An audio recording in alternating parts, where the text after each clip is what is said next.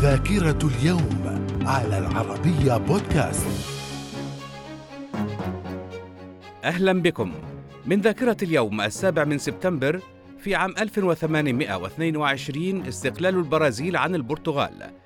في عام 1848 النمسا تحظر تجارة الرقيق. من الذاكرة. في عام 1923 تأسيس منظمة الشرطة الجنائية الدولية الانتربول في عام 1940 سلاح الجو الملكي البريطاني يبدأ بقصف المدن الألمانية ردا على الحملة الجوية العنيفة التي شنها الطيران الألماني على المدن البريطانية وذلك أثناء الحرب العالمية الثانية. من الذاكرة. في عام 1961 صدور قانون جديد بشأن وضع علم للكويت ليوضح استقلالها في عام 1977 توقيع بين بنما والولايات المتحدة تعيد بموجبها الولايات المتحدة السلطة على قناة بنما إلى دولة بنما.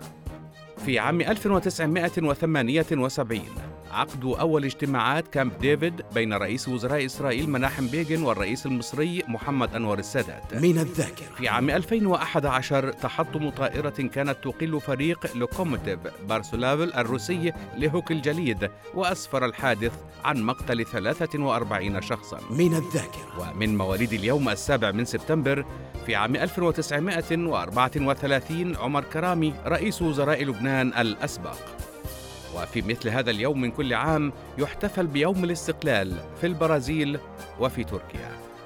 إلى اللقاء.